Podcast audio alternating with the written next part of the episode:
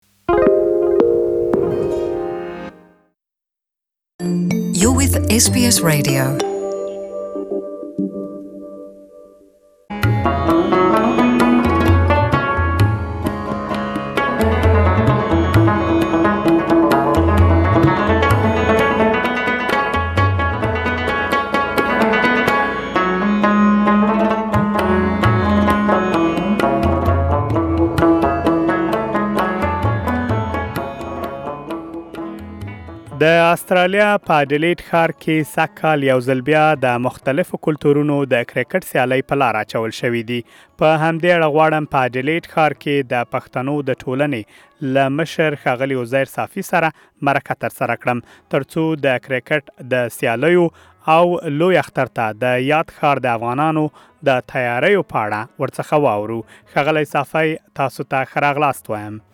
تاسو ته هم سلام. ډېره مننه وروره او خصوصاً د ایس بي ایس پښتو راډیو اورېدونکو ته هم سلامونه تقدیموم. ښاغلی صافی که په پیل کې مهرباني وکړئ د مختلفو کلتورونو د کرکټ سیالیو په اړه یا MCL چې ورته وایي د دغو سیالیو په اړه راته ووایه چې سیالۍ څه وخت پیل شوې دي، څومره لوبډلو په کې برخه اخیستې ده؟ دا چې د پښتنو ټولنه په جنوبي استرالیا کې هر کال تقریبا د تیرو څلور پنځو کلونو نه د مختلفو کلتورونو د کرکټ سیالۍ پر مخ وړي نو په همدغه اساس موږ دا کال هم د اپریل د میاشتې نه چې زموږ د ژمي سیزني نو د هغه وخت نه شروع کړې ده او په دې میاشت کې موږ هغه د ګروپ راونډونه لوبولي دي او اوس فاینل راونډونو ته رارسیدلي چې په راروانه هفته کې به سیمي فاینل وي چې د اسټرالین نیپلیز کرکټ اسوسییشن ټیم ورته کوالیفای کړی دا او دا رنګ دوه د انډین کمیونټي ټیمونه دي او یو د پاکستاني کمیونټي ټیم دی او افغانان هم پکې شامل دي په دغه سیمي فاینلونو کې ښاغلی صافی که په دې اړه راته ووایاست چې نیمه پایلوبې ته څو لوبډلې لاره پیدا کوي او ایا د افغانانو کومې لوبډلې هم د دغو سیالیو نیمه پایلوبې ته لاره پیدا کړې او که نه؟ دا چې زموږ سره دلته ټیمونه زیات دي او د هغویو د لیول په اساس، د هغویو د ایبیلیټي او د هغویو د استعداد په اساس هم بیا په دوه کتګوریو ویشلي دي چې یو یې ډویژن ون ورته وایو بل یې ډویژن ټو نو په هر یو ډویژن کې تقریبا لس دولس ټیمونو برخه اخیستې وه او په هغې کې به څلور ټیمونو سیمي فاینل ته لار پیدا کړه نو په همدې اساس مونږ دوه دانې فاینل لرو چې یو د انټرمیډیټ یعنی د برابرو ټیمونو ترمنځ دی او یو چې دی چې لږ ښه لوبغاړي دي نو د هغې ترمنځ دی نو دوه فاینل دي دلته او په دې کې و د افغانانو ټیم چې د ناردرن سټرایکر په نامه دی هغه هم برخه اخیستې ده او سیمي فاینل ته لاره پیدا کړې. مدیریت خو لکه څرنګه چې پوهیږو د دغو لوبو ستاسو په غاړه ده، د دغو لوبو لګښت بیا د چا په غاړه ده؟ په دې د لوبو لګښت د زموږ سره د ولنتیر د رضاکاره خلکو چې خدمت موږ سره پر مخ وړي د هغوی ځینې لګښت د ډي سي ډي ډبل اېس د ډيپارټمنټ سوشل سروسز له خوا نه ورکول کېږي او هم د اډلېډ سټي کونسل مونږ سره تېر کال د لس زره ډالرو په مقدار کومک کړی دی چې په هغې مانې مونږ هغه لوازم اغستي دي کوم چې مونږ ورته ضرورت لرو او دا رنګه زمونږ سره د ساوت استرالیا ګونمن کومک کړي دا غي دا غا ترانسپورت وسایل مونږ ته په لاس کې راکړي دي او دا غي په اسانتیا او سره او زمونږ دا دغه مونږ چې ورته مین پاور یعنی زمونږ هغه لوی طاقت چې دی هغه زمونږ ولنټیر دي چې دا هر څه دغه په الکت الکټرانیک ډول په انلاین ډول په مخ وړي. ښاغلی صافی ستاسو خبرې مو واورېدې چې د دغو لوبو مدیریت څوک کوي او مالي ملاتړ یې له کومه خوانه کېږي خو اوس غواړم له تاسو څخه واورم چې هر کال تاسو د مختلفو کلتورونو د کرکټ سیالۍ په اډلېډ ښار کې په لار اچوی له دغه کار څخه ستاسو موخه څه ده تاسو څه غواړئ په دغه کار سره تر لاسه کړئ؟ د دې شپېته فیصده ګټه چې ده هغه زمونږ چې پلان دی چې مونږ یې باید راس ته راوړو چې هغه زمونږ د کمیونټۍ یو ځای کېدل د نورو کمیونټیانو سره د استرالیا کمیونټي سره د انډین کمیونټي سره د پاکستاني کمیونټیانو سره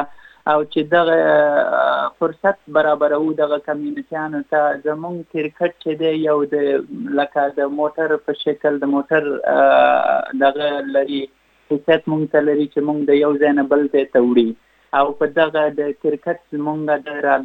راټولېدو یو مهم اصل دی نو په همدغه اساس مونږ بیا هلته دغسې ځنې ګورنمنټ او نان ګورنمنټ ارګنايزيشنې راځي او مونږ ته بيا اپډيټ انفارميشن او هغه څه چې مونږ مشکلات پکې لرو نو مونږ ته انفارميشن سيشنې راکوي په هماغه ګراونډونو کې هماغه ايونټ چې هر سنډی مونږ دلته نيسو نو زمونږ اصلي مقصد د کميونټينو راټوليدل او د يو بل سره تجربې يو ځای کول چې په چې نتیجه یې په استرالیا کې د اوسېدلو ښه زمینه ځان ته برابره کړي او پوه شي چې د استرالیا کې اوسېدل څنګه کېدای شي او څنګه خپل ځان په د استرالیا د ماحول سره برابر کړي. ډېره مننه، د لوبو تر څنګ غواړم د اختر په اړه هم له تاسو څخه واورم، دا چې اختر رارسېدلی تاسو ته د اختر مبارکي وایم او که راته ووایاست چې د اختر لپاره د افغانانو ټولنه چې په اډلېډ کې ده یا په ساوت اسټرالیا کې ده څه پروګرامونه لري؟ مننه د اختر مبارکۍ نه دې زه هم چنان ټولو هیوادوالو ته ستاسې د پښتو اس بي اس رادیو د لارې ټولو اوریدونکو ته د اختر مبارکیانې وایم